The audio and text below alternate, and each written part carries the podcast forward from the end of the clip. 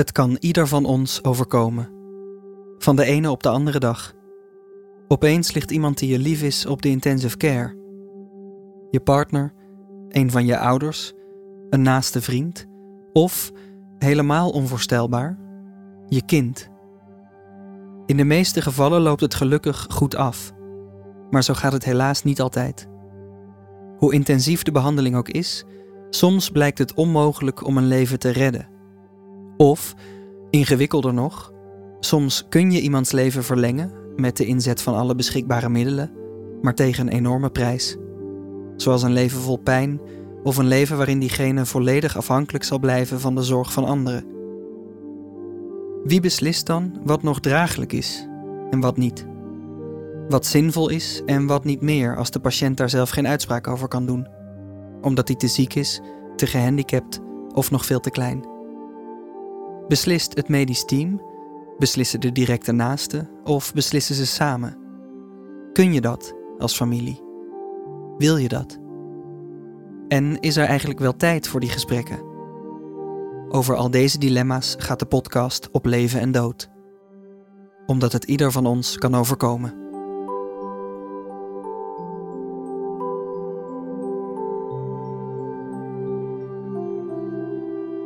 In deze laatste aflevering is Hans van der Hoeven onze gast.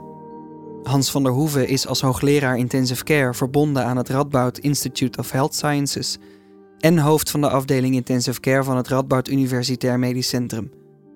Hij combineert een enorme hoeveelheid taken: de intensieve zorg voor zijn patiënten, het coachen van zijn team, het doen van wetenschappelijk onderzoek en tijdens deze coronapandemie het coördineren van de afdelingen intensive care in zijn regio. Eén wens loopt als rode draad door alles wat hij doet: daadwerkelijk bijdragen aan de kwaliteit van leven van zijn patiënten, zowel tijdens als na hun IC-opname.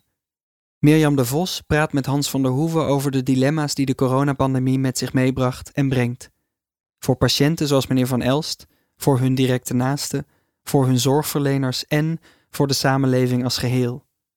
Maar als eerste vraagt ze hem wat het COVID-19-virus precies doet wanneer iemand ermee besmet wordt. Dat is best een hele moeilijke vraag. Maar het, het, virus lijkt eh, primair aan te grijpen aan de celletjes van de bloedvaten. Dat is wat er gebeurt. Dus het komt weliswaar binnen via, meestal via de ademlucht, dus via de luchtwegen. Maar het lijkt aan te grijpen in de bloedvaatjes. En omdat de bloedvaatjes overal in het lichaam zitten, eh, kunnen dus in feite alle organen met corona aangetast worden. En waar wij natuurlijk het meeste van gehoord hebben, wat het meest bekend is eh, bij het publiek, is dat de longen aangetast zijn. Dus het geeft een ontstekingsreactie in je long. En door die ontstekingsreactie, zo'n long is een heel delicaat orgaan met hele kleine fijne maasjes waar de zuurstof doorheen moet. En door die ontstekingsreactie raken die, die, die hele delicate membraantjes, die raken verdikt en verstoord. En dan kan zuurstof er dus niet meer door en krijgen mensen last van, van zuurstoftekort. Um, en dat is dus de meest frequente uiting. Hè? Dat mensen zoveel zuurstoftekort krijgen dat ze eerst zuurstof nodig hebben. En als dat niet voldoende is, dat ze dan geholpen moeten worden, zelfs met, met ademhalen. Maar aan de andere kant is het zo dat alle andere organen eigenlijk ook aangetast kunnen worden. Dus de hersenen, het hart, de nieren, de darmen. Er is inmiddels eigenlijk geen orgaan meer waarvan we weten dat corona dat ook aan kan tasten en ook heel ernstig kan zijn. Ja.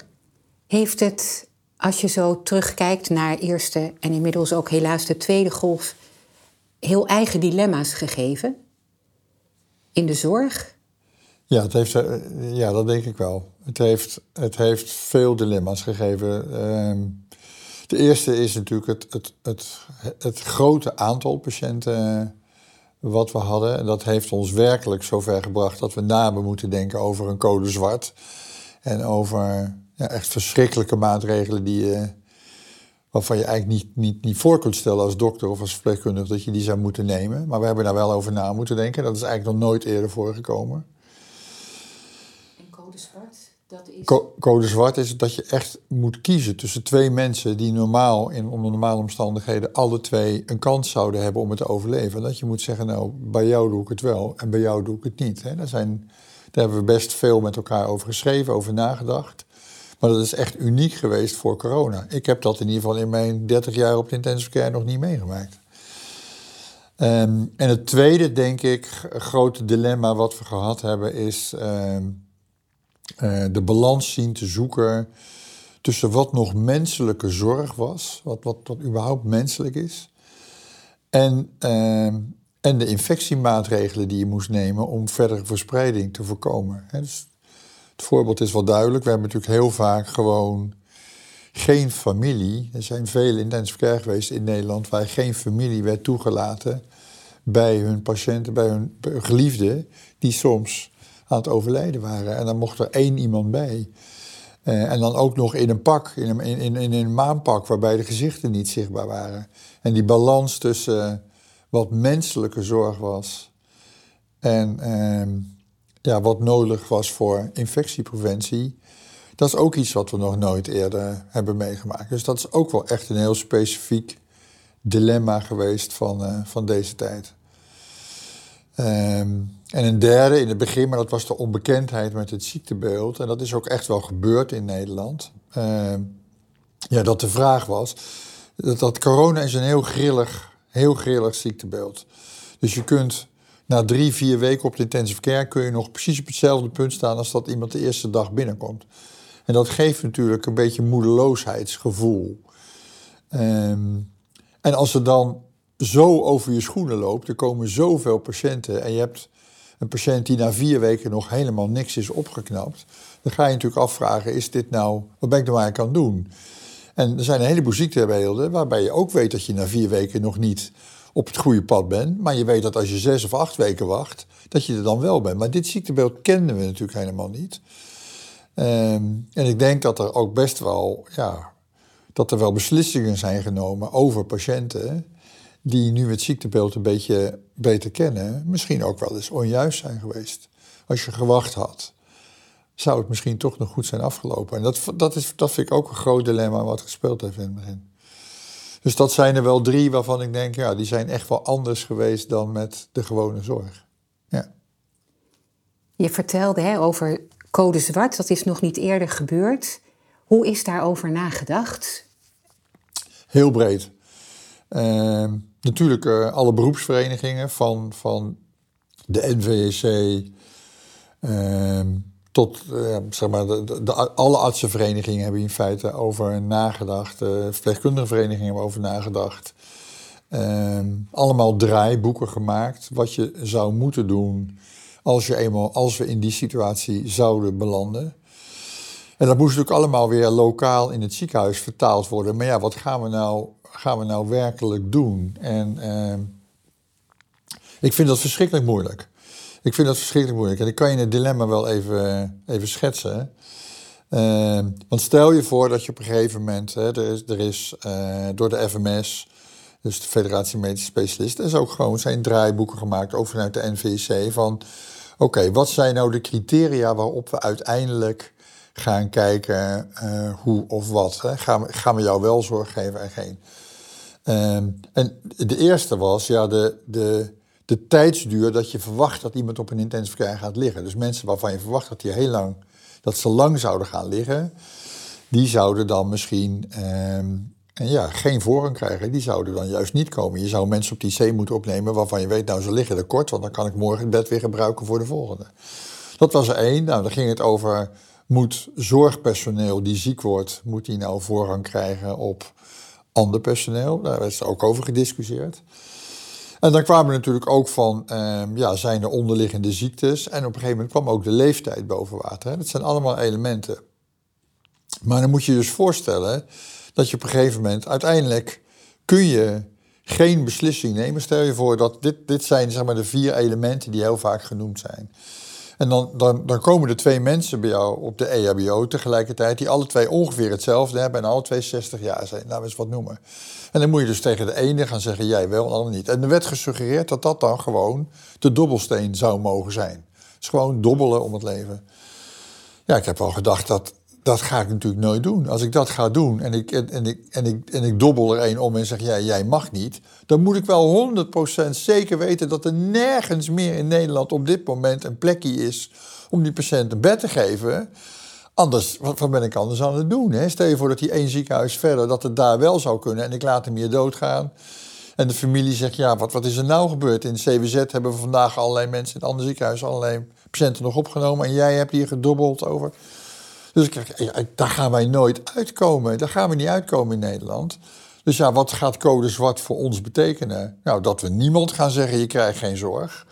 Uh, iedereen, dat dacht ik, dat heb ik ook werkelijk zo gedacht. Iedereen die binnenkomt en die beademd moet worden, die krijgt voor mij ook gewoon een beademingsbuisje. En als ik geen beademingsbed heb, dan heb ik vast wel een verpleegkundige of een arts die de hele dag in zo'n ballon kan gaan zitten knijpen. Maar dan leg ik hem gewoon op een bedje neer waar hij niet minder goede zorg krijgt. Maar hij gaat wel zorg krijgen van me. Want ik, ik ga die keus gewoon niet maken. En ik denk dat is ook uiteindelijk de uitkomst in het ziekenhuis geworden. Toen we er echt over doordiscussieerden of we ooit zo'n scenario zwart zouden willen uitvoeren zoals het dan nu in het draaiboek staat. Toen zeiden we eigenlijk allemaal, ja, dat gaan we niet doen. We gaan, we gaan niet een keuze maken, want als ik dat moet doen, dan kom ik morgen niet meer werken. En dat kan, kan ik me ook goed voorstellen. Als ik zelf een paar keer op een dag zo'n keuze zou moeten maken, dan zou ik de volgende dag toch zeggen, ja, ik ga niet meer naar mijn werk. Wat ga ik eigenlijk doen?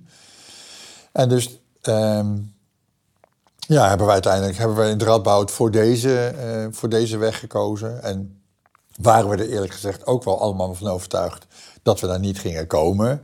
Dus dan is de, de theoretische exercitie ook wat makkelijker. Maar we hebben het wel helemaal ja, doorgeëxerceerd van als het wel zou komen. En, en we zijn natuurlijk best bij de eerste golf wel in de buurt geweest. Hè? Het is nou niet zo dat we zo zeggen, ja, het was op het kantje, maar we zijn wel in de buurt gekomen waarvan iedereen dacht, jongen, straks ligt het echt helemaal vol.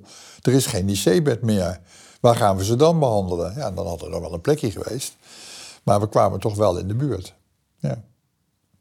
Jij als hoofd van de afdeling, hoe begeleid jij dan jouw team van dokters en verpleegkundigen? Ja, dat is, dat is ook wel een aparte periode geweest. Hè. Ik denk, uh, moet het ook niet overdrijven in de zin van, god, het is helemaal anders dan anders. Ik denk dat elkaar steunen, peer support is, is echt wel iets wat heel erg op een IC leeft. We maken natuurlijk dagelijks vreselijke dingen mee, waarbij ja, degene waarbij het kwijt moet, zijn je maatjes om je heen. Alleen nu hebben we het structureler eh, ingeregeld. Dus er is ontzettend veel aandacht voor, eh, nou, voor, voor elkaar steunen. Door samen de dag te starten, van tevoren al met elkaar te praten. Uh, of er iemand problemen heeft, of er iemand moe is, slecht geslapen, of die het wel aan kan, of niet ziet zitten met zo'n patiënt. Zo sluiten we ook de dag aan. We hebben de hele dag eigenlijk professionals op de afdeling, geestelijk begeleiders en uh, verzorgenden um, en uh, psychologen die ons helpen dat als er iets rot gebeurt, dat er meteen het gesprek eigenlijk plaats kan vinden met zo'n psycholoog. Met, uh, het ziekenhuis heeft natuurlijk ook nog weer op een andere manier peer support um, ingeregeld. Dus er is veel steun. Maar ik denk dat het belangrijkste wat je als afdelingshoofd kan doen, is, is de communicatie. Is voor mensen proberen alle vragen en problemen zoveel mogelijk proberen weg te nemen. Duidelijk te zijn wat er gaat gebeuren. Goede voorspellingen doen waar we volgende week staan. Wat ze kunnen verwachten. Wanneer ze wel weer even vrij kunnen hebben. Wanneer het niet kan. Gewoon duidelijk zijn in de communicatie. En dat is natuurlijk iets wat altijd moet. Maar dat nu wel van heel groot belang is geweest. Dus we hebben echt iedere avond hebben we eh, als staf en als groep bij elkaar gezeten. Wat hebben we vandaag geleerd? Wat heeft die geleerd? Wat heeft die geleerd? Wat zijn dingen die voor iedereen belangrijk zijn? Dat met elkaar bespreken. S'avonds altijd weer een, een, een rapport naar alle verpleegkundigen, alle artsen, iedereen die met de afdeling te maken heeft. Jongens, dit is wat er speelt, dit gaan we morgen doen. Uh, ja, vooral veel open en ogen en oren open om te kijken of hoe je elkaar kan helpen. En dat is wel, um, dat is gebeurd in de gewone tijd ook op een IC, maar nu wel veel meer. En echt structureel ingeregeld. Dus dat is, dat is nou, best een fijne tijd. Uh, in die zin. Waarvan je ook een aantal dingen straks beslist weer wil blijven behouden. Als, uh, als corona weer over is. Ja. De patiënten zijn overwegend uh, in slaap gebracht ja.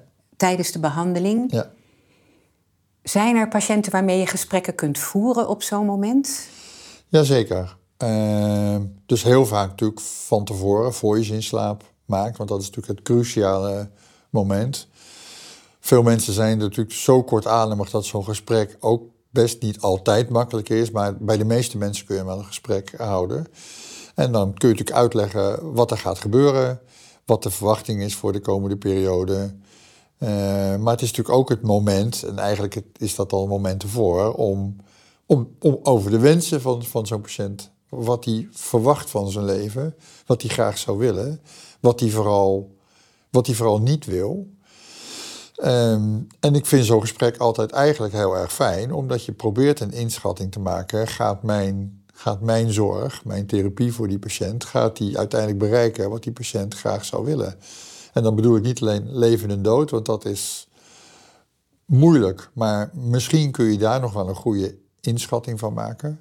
Maar met wat voor kwaliteit van leven kom je uit die intensive care periode? En is dat iets voor jou acceptabel, ja of nee? Want er is ja, bij sommige coronapatiënten is een enorme restschade, waarbij de kwaliteit van leven eigenlijk verdwenen is. En dat had je best, en waarbij mensen diep, diep ongelukkig zijn. En wat had je misschien best van tevoren willen weten en een andere beslissing moeten nemen in die situatie. Dus ik vind dat gesprek aan het begin is fijn. Uh, en dan, dan, dan loopt het meestal zo dat in de eerste week, weken, maar gemiddeld week, twee weken, zijn de patiënten in slaap of min of meer in slaap. In het begin heel diep in slaap. Na, na een week zijn de meesten wel wat lichter aan het worden, maar vaak in de war. Er komt ontzettend veel delieren in de war voor. Dus dan kun je ook geen goed gesprek houden. Ja, en dan gaat langzaam een fase komen waarin ze beter worden en waarin het bewustzijn terugkeert en waarbij je ja, de mogelijkheid weer hebt om voor het eerst met ze te praten. En kijken, uh, ja, dezelfde vragen eigenlijk. Hè. Soms is er helemaal geen discussie over. Een jong iemand die na twee weken beter wordt, ga je echt niet mee bespreken. Wat wil je nu in het leven? Dan weet je wel, die gaat herstellen en het gaat goed worden. Maar voor als iemand natuurlijk 80 is, en hij is er na drie, vier weken, wordt hij wakker, maar je weet dat hij nog een heel lang en te gaan heeft en dat de schade groot is, dan wordt dat gesprek natuurlijk toch veel belangrijker. En in die tussenliggende tijd heb je natuurlijk ook gesprekken met de familie en met de huisarts en met zijn vrienden en alles die iets over zo'n patiënt kunnen zeggen. Ja, dan probeer je een inschatting te maken wat, die, ja, wat voor hem belangrijk is. Uh, dat draait het uiteindelijk toch om. Hè? Het, draait het, niet meer, het draait niet meer op die C om te overleven. Dat is natuurlijk wel de eerste stap. Maar het draait nu, natuurlijk nu toch veel meer gelukkig tegenwoordig over het lange termijn beeld. Waar, waar wil je naartoe? En er zijn natuurlijk mensen die zeggen. Uh, een verpleeghuis, dat heb ik gezien bij mijn, bij mijn ouders of bij mijn broer of bij mijn zus. Dat is voor mij zo'n schrikbeeld. Dat wil ik niet. Ik wil niet naar het verpleeghuis. En soms is het niet zo heel makkelijk om te voorspellen of iemand gaat overlijden of niet. Maar is het wel heel makkelijk om te voorspellen, ja, als je dit doorlopen hebt, dan kom je met zekerheid in het, in, in het verpleeghuis. En je komt er ook niet meer uit, want je bent zo beschadigd. Dat is dat geen zorg die we thuis meer kunnen leveren in Nederland. En dan helpt dat ook bij de beslissing. En wat, wat is dan de optie als iemand op een gegeven moment hè, aan jou zegt van dat, dat wil ik echt niet? Wat kun je dan hè, liever, liever er niet meer zijn dan dat ik daar de rest van mijn leven zal zijn? Oh, ik zou altijd, dat dat is vrij simpel. Ik zou altijd de wens van de patiënt respecteren als ik ervan overtuigd ben dat dit ook daadwerkelijk zijn wens is. Dus als hij compassmentus is, dus helder van geest, hij zegt mij bij herhaling dat hij dit niet zou willen. En ik heb mijn best gedaan, echt mijn best gedaan. Dan ga je niet over één, één nacht ijs. Maar ik heb me een beeld gevormd van wat er met deze patiënt mogelijk is mijn beste inschatting, niet alleen van mij, maar van mijn hele team. Van dit is de beste inschatting die ik kan maken voor jouw toekomst. En dat komt niet overeen met de wensen van de patiënt. En de patiënt zegt, dan, dan, dan wil ik liever overlijden. Dan vind ik ook, en gelukkig hebben we die in Nederland, dat je de mogelijkheid moet hebben om hem te laten overlijden, aan zijn wens te voldoen. En dat zal ik zeker doen. En kan dat? Hoe ziet dat eruit? Ja, dat het laten overlijden van iemand? Dat kan. Uh, je, je praat hier, uh, uh, laat het ook helder zijn. Het, het, het, we praten hier niet over euthanasie in de strikte zin. Het is weliswaar nog steeds op de wens van de patiënt. Dus dat is wel een belangrijke voorwaarde, voorwaarde natuurlijk ook voor euthanasie. Maar je komt samen met de patiënt tot de conclusie dat het doel wat hij wil bereiken, dat dat medisch gezien niet meer haalbaar is. En bijna alle patiënten in die situatie zijn nog te afhankelijk van apparatuur om het zelfstandig te kunnen overleven. Dus je hoeft helemaal geen medicijnen te geven waardoor een patiënt onmiddellijk overlijdt. Je kunt ook zeggen, ik breng je in slaap, je gaat gewoon slapen. En we laten soms, we, halen alle ondersteunende therapie die er kunstmatig voor zorgen dat jij in leven blijft. Die halen we weg, dat halen we stoppen. We stoppen de medicijnen die je kunstmatig op, orde houden. Uh, maar we zorgen wel dat je daar uiteraard niks van merkt. Dat je comfortabel bent en dat je rustig gewoon slaapt. En dan laten we de natuur zijn gang gaan. Uh, en dan zullen bij de meeste mensen, uh, mensen die heel ernstig ziek zijn, overlijden dan ook heel snel. Soms duurt het wat langer. Ehm, maar dat is dan zo. Het, is dan zo. Ik vind ook dat hoef je niet per se te haasten. Als mensen zeggen, dit is, dit is het doel wat ik niet meer wil bereiken. Dit, dit wil ik niet. Uh, nou, dan, dan gaan we kijken of dat, hè, hoe, dat kan. Maar dat hoeft niet meteen een uur later geregeld te zijn. Hè. Je kunt, er zijn veel mogelijkheden toe. Maar ik denk de meest voorkomende op een intensive care is dat je dan uh, het, de, de, dosering van de slaapmiddelen verhoogt, totdat je zeker weet van ze merken er niks meer van, ze zijn diep in slaap, ze hebben geen pijn, geen angst, geen honger.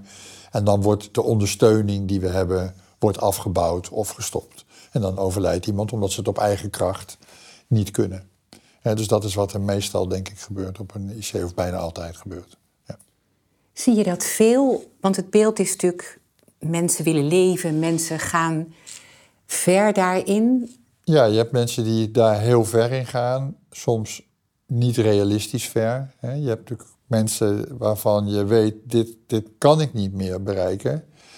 En eh, dan moet je soms natuurlijk ook een, een, een, een, patiënt, of vaak zijn familie in dat geval, beschermen tegen het eindeloos maar uh, ja, door willen zetten van die behandeling. Terwijl je weet, het eindigt uiteindelijk met de dood. Hè? Je moet ervan uitgaan dat als je een patiënt, als je niet meer iets goeds kunt doen voor een patiënt in de zin van hem laten leven zoals je graag zou willen, dat alles wat je doet, ja, moet je je afvragen, doe ik hem geen kwaad? En dat is ook een van de principes die je natuurlijk niet wil. Dus ik vind ook dat je soms patiënten moet beschermen. Maar de andere kant zie ik vaker. En zeker bij de, bij de jonge mensen is het natuurlijk helemaal geen discussie. Die willen gewoon eh, leven en die willen verder. Maar oudere mensen denken, denk ook door de gesprekken met huisartsen en omdat het vaak op tv komt, denken toch wel echt na over hun leven, wat ze willen als ze in deze omstandigheden terechtkomen. Dus ik denk dat veel vaker het gesprek gaat van. Uh, uh, ja, dit, dit, is, dit is niet meer wat hij gewenst zou hebben als de familie dat is of de patiënt zelf. Uh, voor mij hoeft dit niet meer. Dan dat we de andere kant op gaan. Dat we moeite hebben om de behandeling te mogen stoppen, omdat de familie of de patiënt per se zegt: ja, maar ik wil het niet, ik wil door.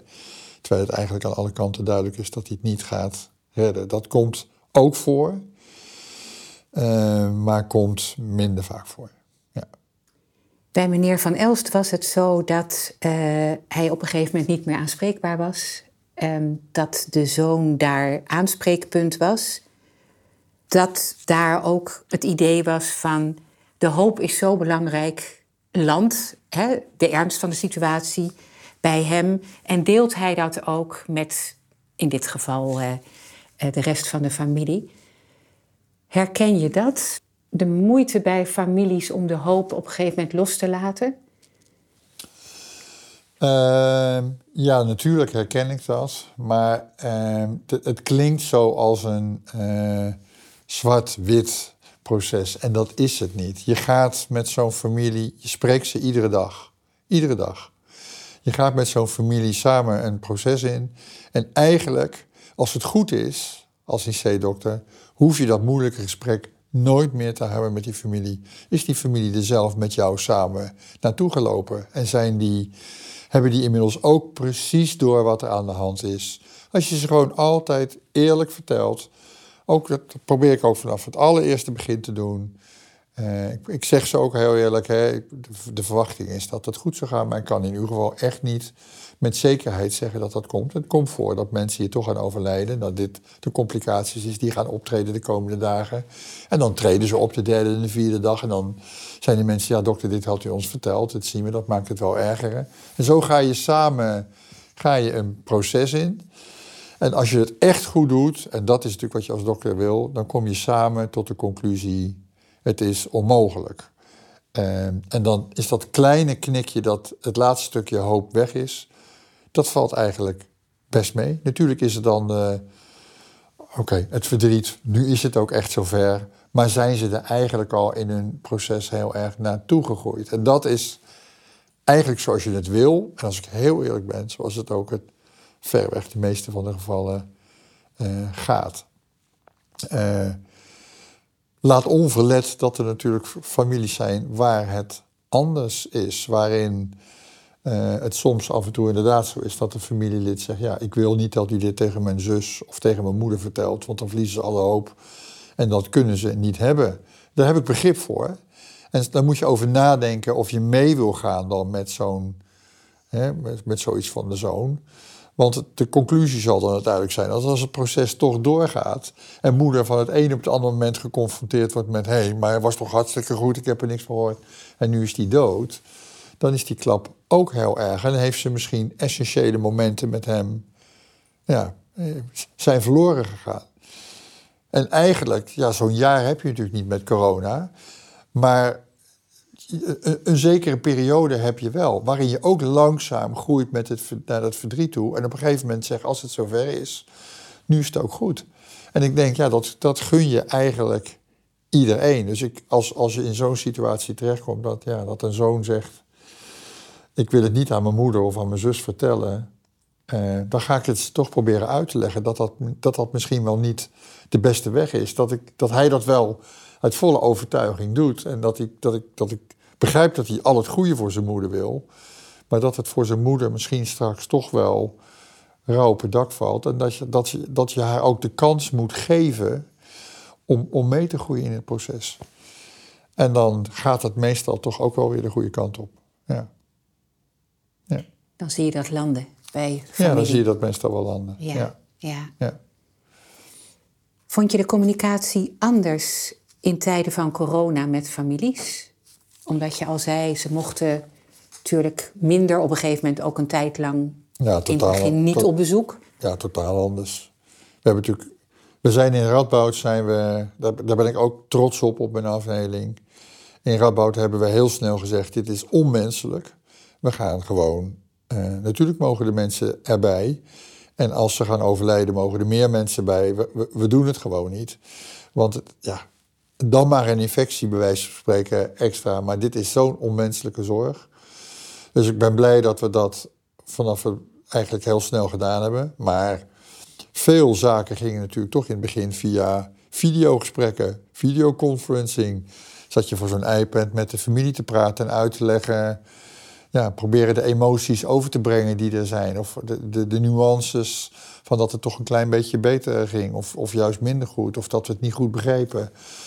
En dat is, dat is rampzalig. Ik denk, het, is, het, is, het zijn vreselijke gesprekken. Je, je kunt vaak, ja, je mist allerlei nuances uh, in de houding van, van, van het familielid en hoe die met zijn handen beweegt. Je kijkt alleen maar naar dat gezicht.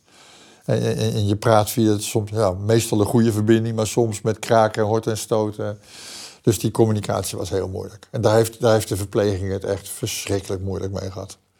Die hebben dat als, als je over iets terugkijkt naar wat, wat hun morele distress heeft gegeven, dan is het zeker uh, dat, dat, ze, dat ze niet goed met die familie hebben kunnen praten. Dat ze het gevoel hebben dat ze die familie helemaal niet goed hebben kunnen begeleiden. Dat is, uh, dat is wat hun het meeste dwars zit. Dus dat heeft, dat heeft corona echt wel, uh, ja, dat was anders dan anders. En dat is nu nog steeds voor een deel zo. Natuurlijk hebben we allerlei ja, trucken verzonnen om het, om het beter en humaner te maken. Maar blijft nog steeds erg afstandelijk dat gewandel in die maan pakken. ook al naar jezelf toe. Hè. Als een patiënt wakker is, ja, kent helemaal het gezicht niet meer van degene die voor hem staat. Dan kun je wel zeggen, nou, ik loop met, met, met, met bordjes en foto's op en namen. En dat helpt allemaal wel. Maar toch gewoon jouw gezichtsexpressie, waarop ze alles kunnen zien en aflezen. Van, oh, hij is blij, hij is echt blij, het gaat goed met me. Ja, dat kun je allemaal niet zien, hè. Dus nee, het is, het is wel een heel, heel stuk moeilijker. Ja. Het menselijke is dan eigenlijk op dat moment weg, hè? Ja, dus, dus, uh, het, het, ja, veel mensen hebben dat het dehumaniseren genoemd, het ontmenselijke wat gebeurt. Dat, is, dat heeft echt wel plaatsgevonden. Maar dat, dat is natuurlijk zo. Hè? Als, je, als je zelf ziek bent uh, en je kunt maar heel moeilijk beseffen en, en, en, en begrijpen wat er met je gebeurt, dan probeer je alles af te lezen aan iemand hoe het daadwerkelijk met je gaat. Niet alleen wat er gezegd wordt, maar je kijkt ook of zijn gezichtsuitdrukkingen en zijn handelingen, of die overeenkomen met de woorden die hij zegt. En dat is misschien wel het belangrijkste, dat stok, dat, dat, dat hele grote stok non-verbale communicatie. Ja, daarvan weten we natuurlijk dat patiënten, daar gaat het om. Ze, ze zien aan je of, je of je blij bent, tevreden bent, of het echt goed dat je gaat. Ja, nu loop je daar met, met, met een masker en een scherm op en zien ze dat dus niet meer. Dus ik, ik, ik vind het erg moeilijk. Ik vind het nog steeds erg moeilijk. Ja. Denk je dat er, ik weet niet of het het goede woord is hoor, maar dat er iets te repareren nog valt naar families toe, patiënten mogelijk als ze het overleefd hebben, maar ook naar jouw mensen? Ja, ik denk zeker dat het te repareren valt. Dat doen we ook. We hebben, ook dat is iets wat we in Nijmegen heel vroeg begonnen zijn. Eh, dat mag natuurlijk nu ook niet, maar we hebben natuurlijk veel nazorg. We hebben IC-cafés waarmee uh, na, nabestaanden van IC-patiënten komen, met elkaar kunnen praten, met ons kunnen praten, waarin we uitleggen waarom het zo liep. Uh, en dat zijn allemaal wel dingen waar mensen, uh, ja, waar het toch weer een beetje van ze af kan glijden. Hè. De, het, post-intensive care syndroom wat we voor patiënten hebben, dat hebben we natuurlijk ook voor de familieleden. Die hebben ook vaak natuurlijk traumatische stressstoornissen, angsten, depressies, slaapstoornissen. En daar, daar helpen dit soort dingen allemaal wel bij. En corona, ja, die heeft dat allemaal vermenigvuldigd, laten we zeggen. Om, om, om, omdat die contacten gewoon veel minder waren met de familie. Dus de, de stress en de belastingen voor de families, voor de echtgenoten, ja, die waren ook veel groter. Dus die zijn ook veel meer geraakt dan ja, de gewone IC-patiënt zeg maar, van een jaar geleden.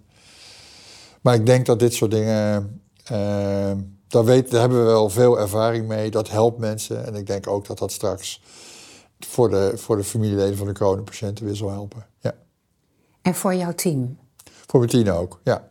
Dus uh, dat, dat is wat je met het team uh, wel kon doen. En dat kun je nu al doen.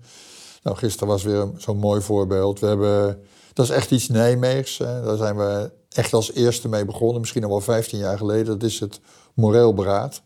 Dus als een verpleegkundige of een dokter met iets zit, dan kan een moreel beraad uh, aanvragen. En dan, dat wordt professioneel begeleid hè, door onze ethici en door onze uh, geestelijk verzorgenden.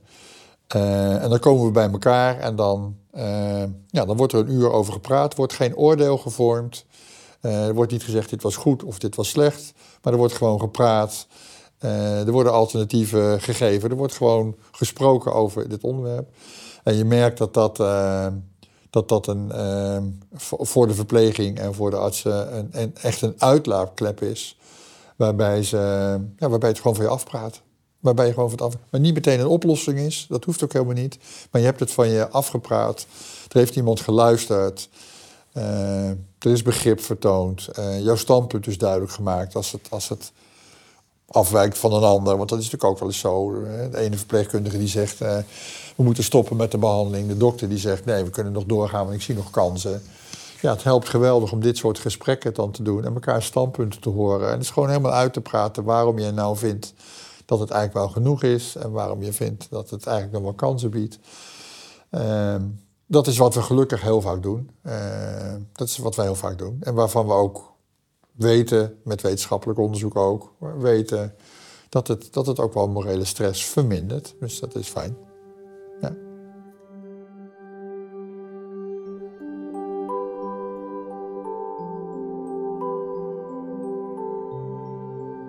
In deze aflevering spraken we met Hans van der Hoeven, hoofd van de afdeling Intensive Care van het Radboud Universitair Medisch Centrum. Projectleiding en interviews Mirjam de Vos, eindredactie Marion Oskamp, voice-overs Simon Heijmans, techniek Arno Peters en muziek was van Amir Vahidi. Op Leven en Dood is een podcast gemaakt in opdracht van Amsterdam UMC met financiële steun van ZonMW.